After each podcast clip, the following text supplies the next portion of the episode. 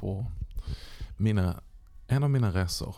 Det är ju så att jag arbetar för EFS Sverigeavdelning som inspiratör och samverkanssekreterare mellan Svenska kyrkan och EFS. Och många av mina veckor och helger är ju så att jag är på resa. Nu är det tidigt, tidigt på morgonen. Därför så talar jag lite tystare. Jag sitter på mitt hotell och befinner mig i Skellefteå och ska förbereda inför helgens undervisning. Vi kommer till att gå igenom första Petrusbrevet och där tala om det här med tro och liv som har varit temat i kyrkoåret den här helgen. Hur kan vi omsätta vår tro i vårt liv? Hur kan teori faktiskt får bli livgivande och leda till praktik? Utifrån första Petrus brev så går jag igenom det under fyra samlingar. Som vanligt så är det en tidig morgon här. Det är då jag tycker att det är enklast att få lugn och ro och förbereda mig och vakna av mig själv ofta ganska tidigt och få några timmar i Guds närvaro tillsammans med Guds ord och att sitta och förbereda mig. Men eh, idag så ska du få följa med genom lite olika händelser hur det kan se ut när jag är ute och reser runt i landet.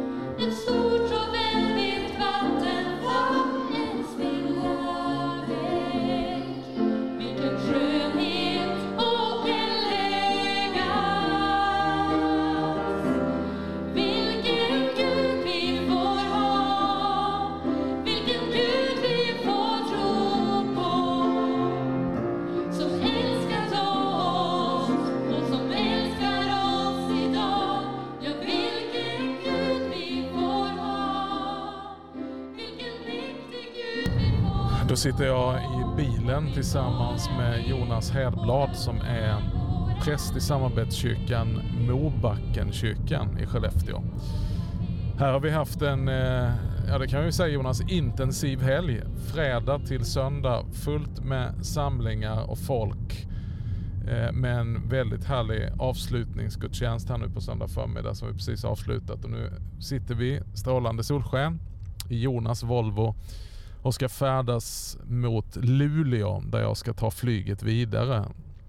Eh, Jonas, eh, om vi börjar med den här helgen och tar oss tillbaka. Eh, temat tro och liv. Vi har gått igenom första Petrusbrevet utifrån temat som är för den här söndagen, tro och liv. Varför är det viktigt att, att tala om och samla folk inför en höstupptakt med det temat, tänker du?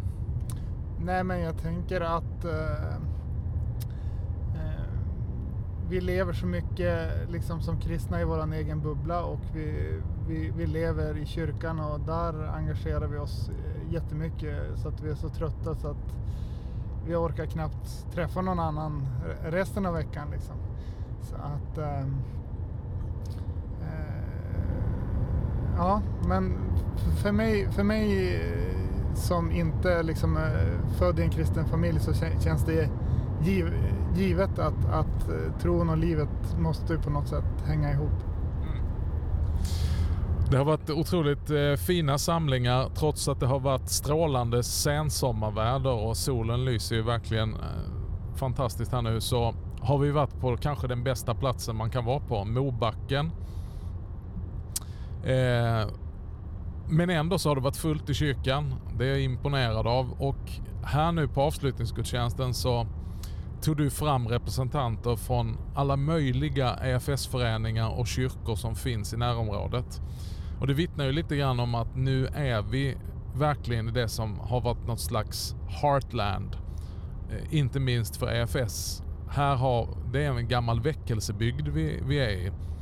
Eh, med, med missionshus i nästan varenda by. Kan du inte berätta lite grann om, om, om hur det gick till? En kort överblick av historien i området som vi kör igenom och, och, och, rör oss i. Ja, nu, nu är inte jag expert på, på, på den kyrkohistorien men jag kan säga lite grann om, om vad som har hänt. Eh, det börjar ju på 1800-talet kan man säga, eller vi kan börja med 1800-talet i alla fall. Eh, och på den tiden så fick man ju inte träffas eh, för eh, liksom lägga ut bibeln eller, eller så utan att en präst var närvarande. Eh, på den tiden så fanns det ju några kyrkor inne i, i Skellefteå och sen, sen eh, de som ville samlas de fick eh, samlas eh, liksom i, i, i hemlighet.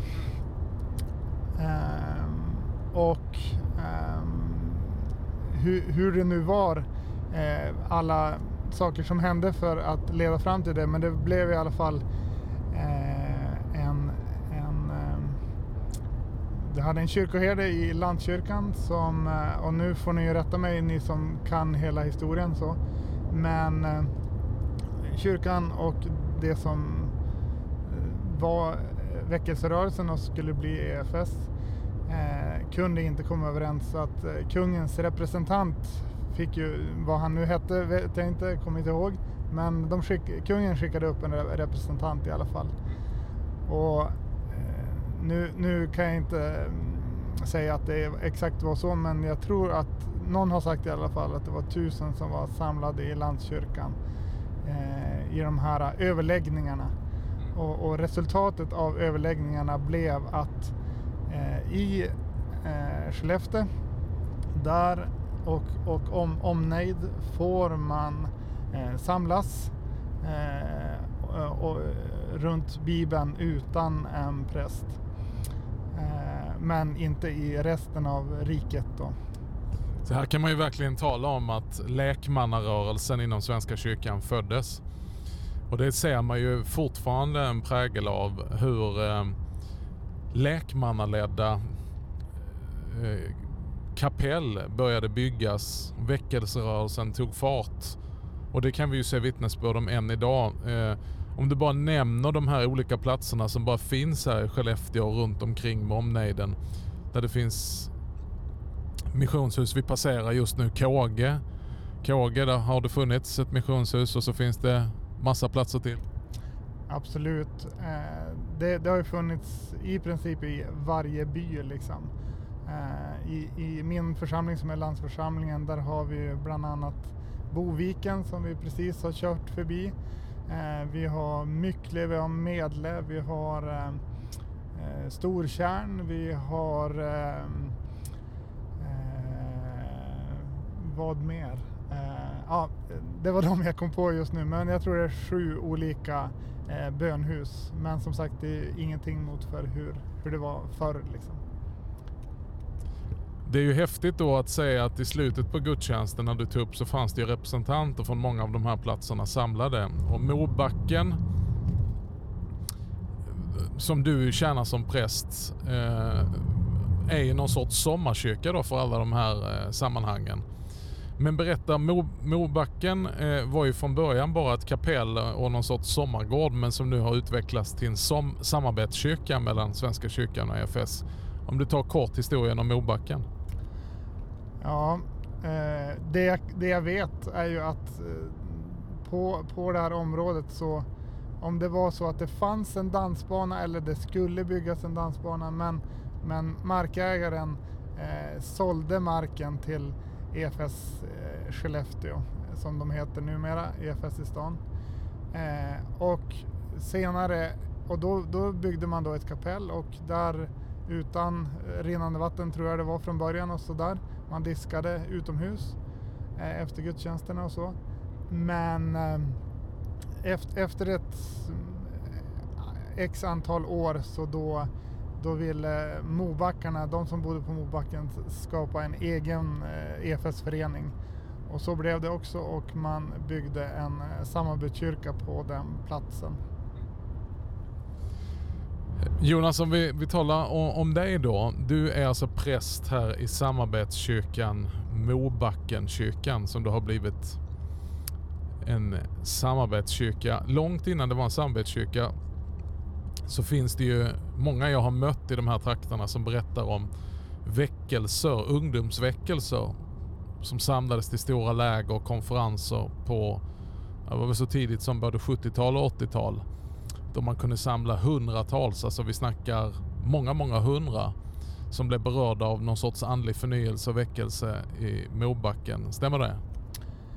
Ja, jag var, jag var inte med på, på den tiden. Det, men eh, jo, det, det stämmer ju. Det är ju eh, flera som, som vittnar om det, bland annat eh, ja, men, eh, budbärarens förra, vad heter det, eh, redaktör eh, har ju varit på Mobacken, vad heter han, Eriksson?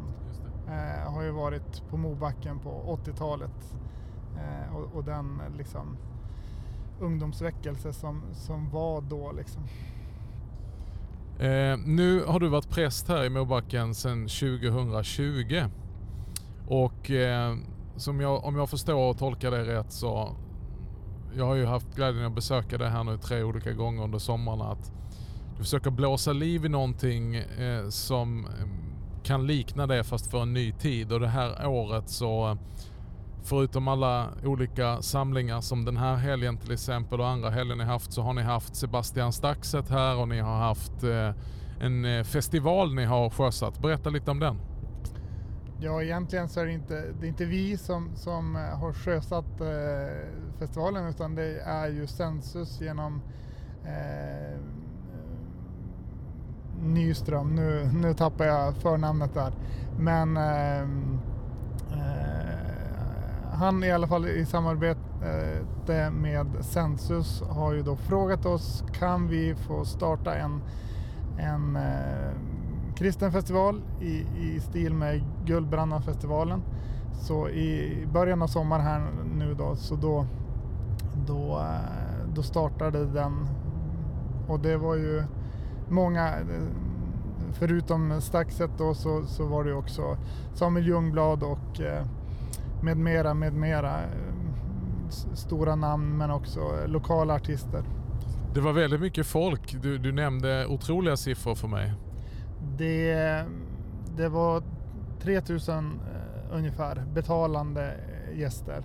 Eh, och eh, det var ju en gratisfestival. Man fick eh, eh, betala 30 kronors eh, liksom, expeditionsavgift till upp till 1200. Man fick liksom välja priset själv. Och många kom ju dit som hade fått en eh, biljett betald redan. Du Jonas, om du ska berätta om din väg, din väg till tro och din väg till präst. Det var inte helt, eh, kanske lite otippat att du sitter här idag som samarbetskyrkopräst.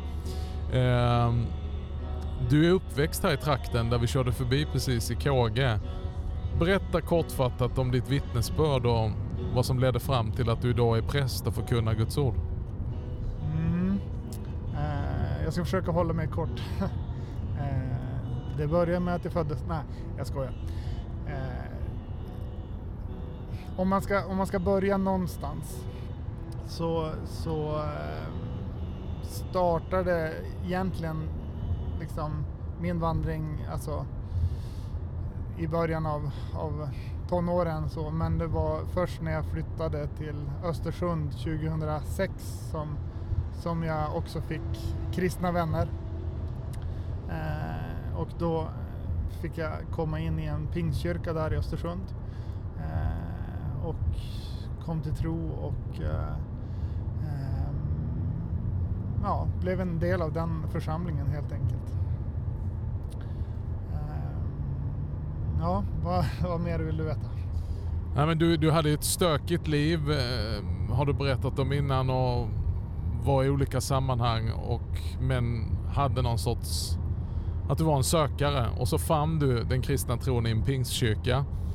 Eh, men hur gick det vidare sen då? Du hamnade helt plötsligt på Johannelund och studerade teologi. Hur, hur kan det vara att du hamnade där?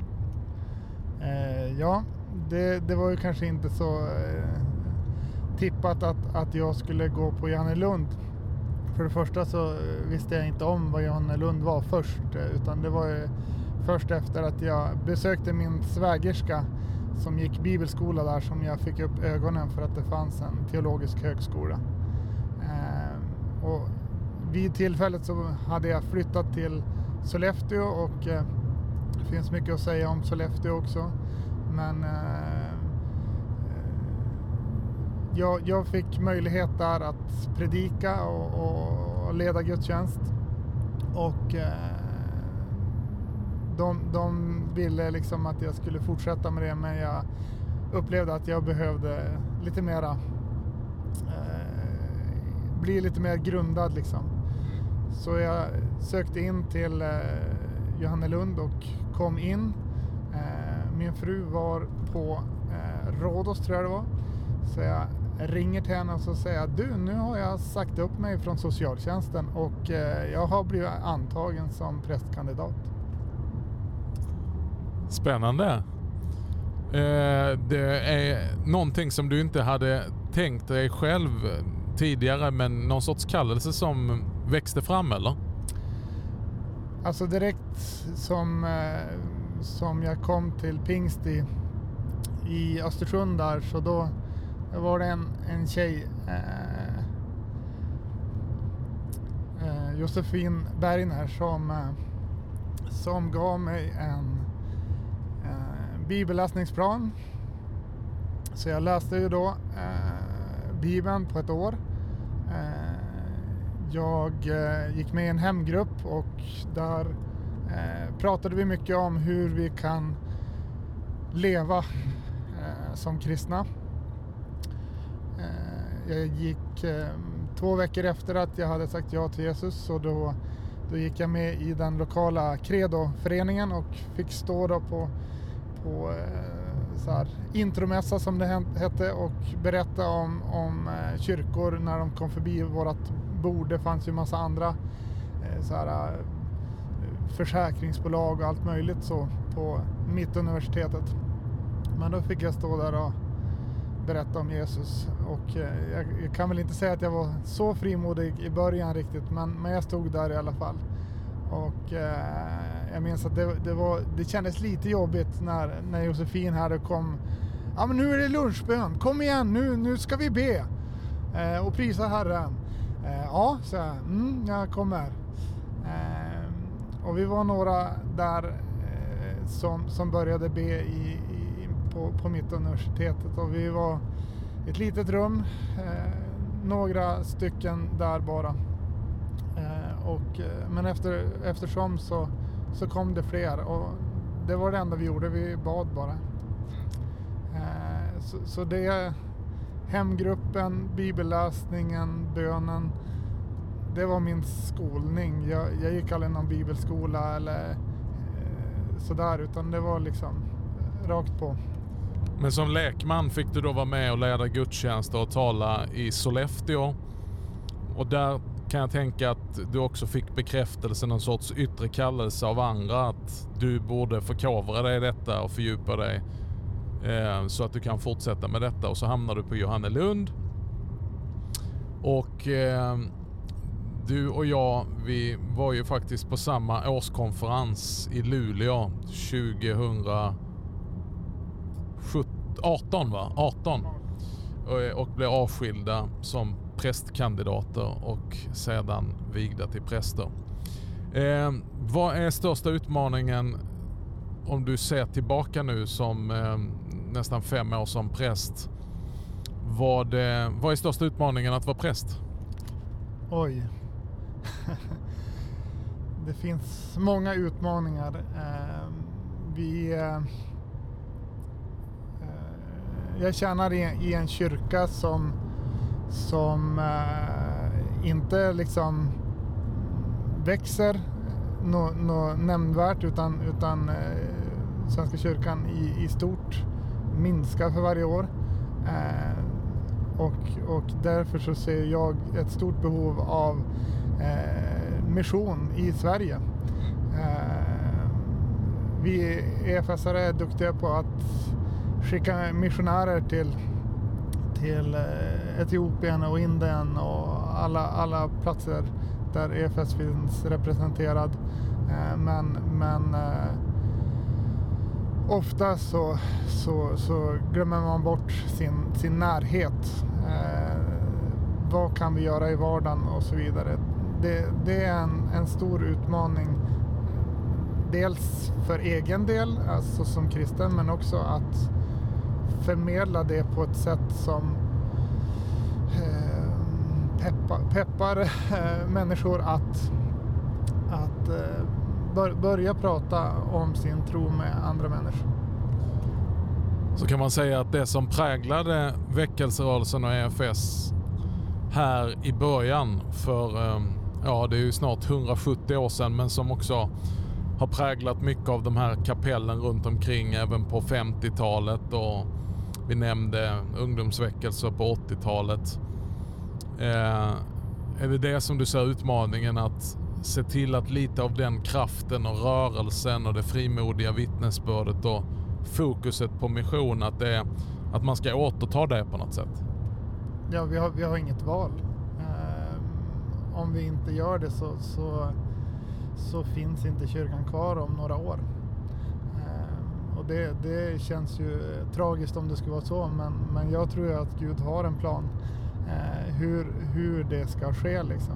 Eh, det är ju inte i egen kraft som vi eh, ska springa runt som Jehu, utan, utan eh, Gud har en plan men vi behöver ställa oss i,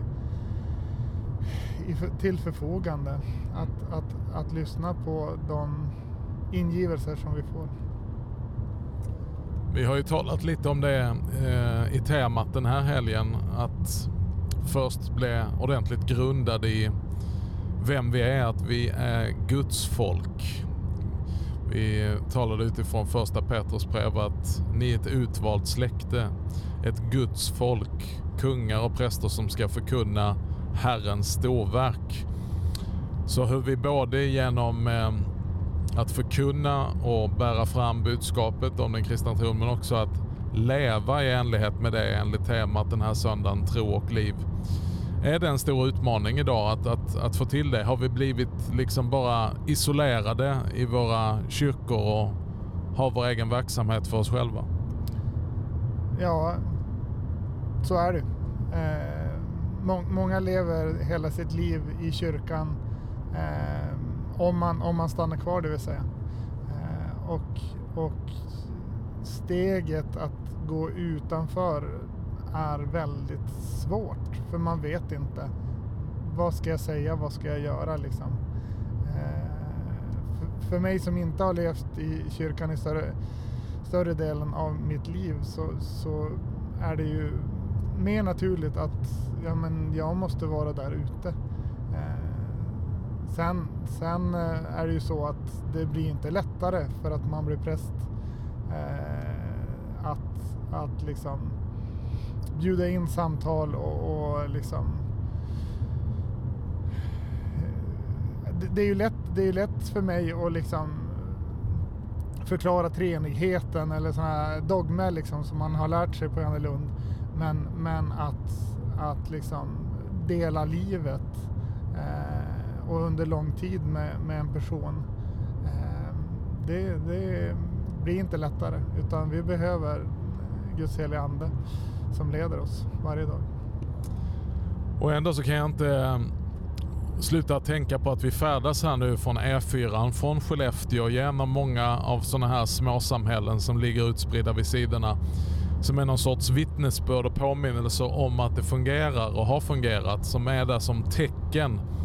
Även om det är från gamla fornstora dagar så finns det ju glödpunkter här längs hela E4 alldeles strax så passerar vi Gävre Och så kommer vi till Piteå. På, I Piteå så tänker jag på Hortlaxkretsen, Tallhedskyrkan, en annan samarbetskyrka. Och så hela vägen upp till Luleå. Där passerar vi också där Karl-Olof Rosenius växte upp i sitt fädernehem Rosvik. Eh, där hans pappa kom ifrån.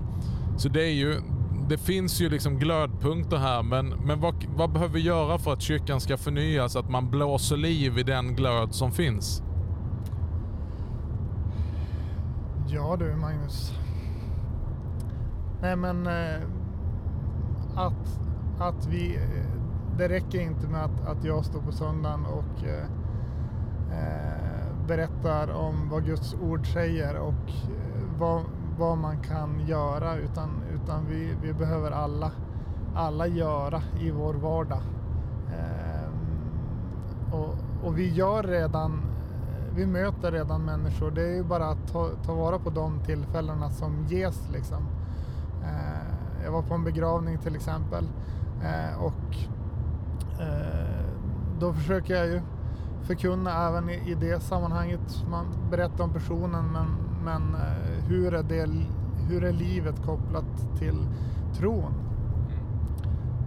Och då, eh, då blir man ofta förvånad, eller jag blir ofta förvånad över att det finns så mycket tro hos människor som, som inte går i kyrkan. Så, så det är liksom det är förberett och, och eh, vad, vad som hindrar dem från att, att komma till kyrkan det, det vet inte jag men Gud vet och Gud kan sända oss till olika människor. Eh, förbereda så att, så att han kan göra sitt verk i dem. Inte minst i sådana här trakter så anar jag att det finns anknytningspunkter för tron. En tro som kanske till stor del är privat och personlig. Kanske eh, inte sådär väldigt levande men som finns som någon sorts grundtrygghet men som behöver mer näring och behöver en troende gemenskap. Och det har väl varit styrkan med eh, väckelserörelserna, att man inte bara har inbjudit till gudstjänster.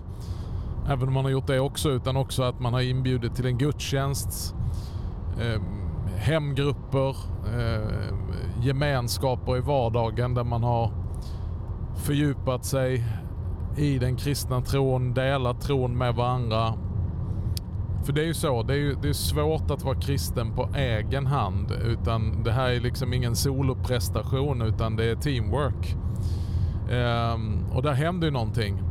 Det är lite vedträn, de brinner bättre tillsammans. Och där tänker jag att där är Mobacken en av de platserna där man kan samla folk till sådana här helger som blir någon form av fördjupnings och förnyelsehelger. Och eh, ja, det är bara en stor glädje. Stor glädje att få vara här hos dig Jonas och fått vara i Mobacken och eh, styrkt och uppmuntrad så tar jag mig vidare här nu. Det här poddavsnittet blev ju ett lite on the road avsnitt som eh, flera stycken har bett om. Att berätta lite vad du gör när du är ute och reser och eh, med olika klipp härifrån den här helgen så ska vi försöka ge en bild av hur en sån helg ser ut. Och nu far vi alltså vidare här Jonas vid ratten och jag sitter bara och pratar här och tvingar Jonas att prata. Göra det som en man inte kan göra, flera saker samtidigt men vi gör det med den äran Jonas. Stort tack för helgen i Mobacken och tack för att du är med i Reformera-podden.